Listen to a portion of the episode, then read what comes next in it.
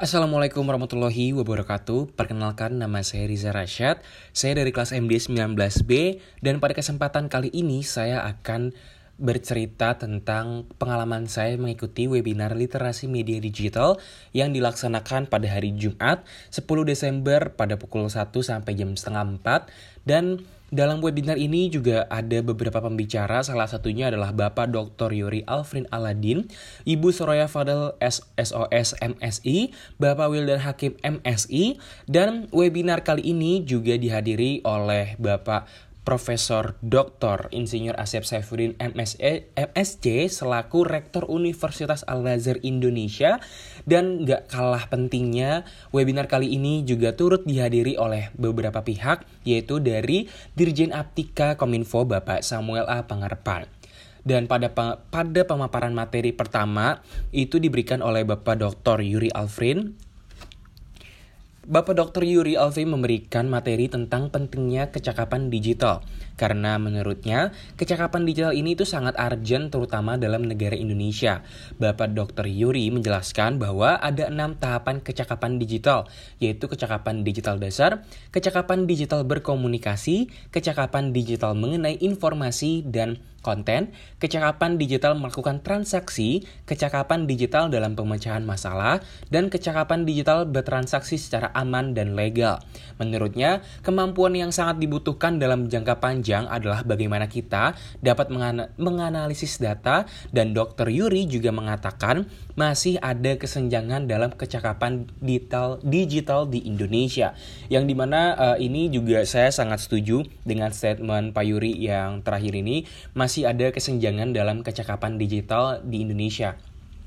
Sedikit bercerita, uh, membahas tentang kecakapan digital ini banyak sekali juga di antara teman-teman saya atau bahkan orang tua saya sendiri yang masih belum uh, mampu dalam melakukan transaksi secara digital gitu dan beda sekali ya gitu dengan umur-umur saya mungkin dengan saya pribadi sendiri yang udah uh, paham dan tahu gimana cara bertransaksi secara digital gitu ya karena kan juga pada era digital saat ini eh, informasi-informasi hoax atau misalkan uh, penipuan-penipuan secara online itu sangat sering terjadi ya dan mayoritas juga penipuan-penipuan ini terjadi dan um, menimpa ke beberapa orang yang tidak paham dan tidak uh, mengetahui secara digital gitu. Misalkan salah satu contohnya adalah uh, orang tua saya itu pernah mendapatkan SMS yang uh, sering banget didapetin oleh uh, para orang tua lainnya juga atau bahkan pada umuran saya juga yaitu tentang uh, mama minta pulsa atau misalkan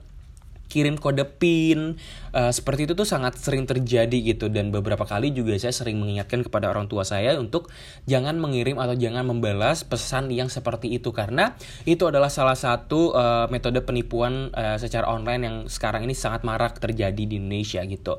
Dan uh, menurut saya materi tentang kecakapan digital ini sangat penting dan sangat uh, apa ya sangat bermanfaat. Karena ini informasinya sangat-sangat bisa dikembangkan dan disebarluas dijelaskan kepada halayak luas seperti itu.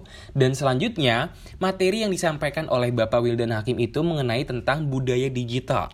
Menurut Pak Wildan, budaya digital saat ini itu masih terbentuk dikarenakan jari kita sendiri gitu ya.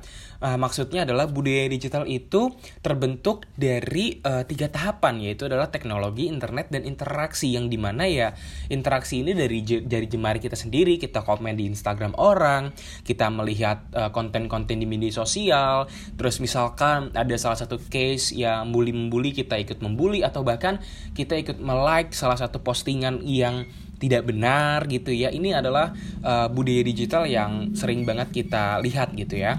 Dan sekarang masyarakat itu sedang mengalami yang namanya transformasi digital nih karena dalam masa pandemi itu juga semua orang itu diharuskan untuk membeli peralatan elektronik ya dan menyebabkan juga masyarakat ini mengubah mindsetnya dalam dunia digital uh, salah satu contohnya adalah adik saya. Adik saya itu masih berumur ya sekitar eh, tujuh tahun yang di mana dia uh, harus berhadapan dengan sekolah online.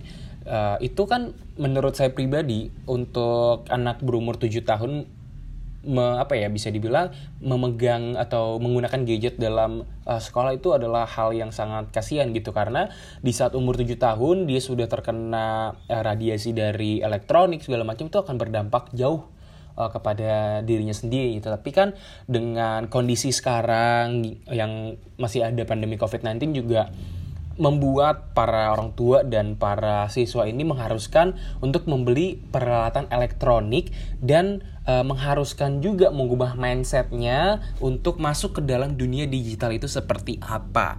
Dan yang terakhir materi yang diberikan oleh Ibu Soraya itu menjelaskan tentang konsep etika digital. Bu Soraya juga menjelaskan tentang batasan-batasan atau aturan yang terdapat dalam menggunakan media sosial. Selain juga memberikan tentang materi-materi Ibu Soraya juga memaparkan contoh-contoh kasus yang berkaitan tentang etika dalam bermedia sosial.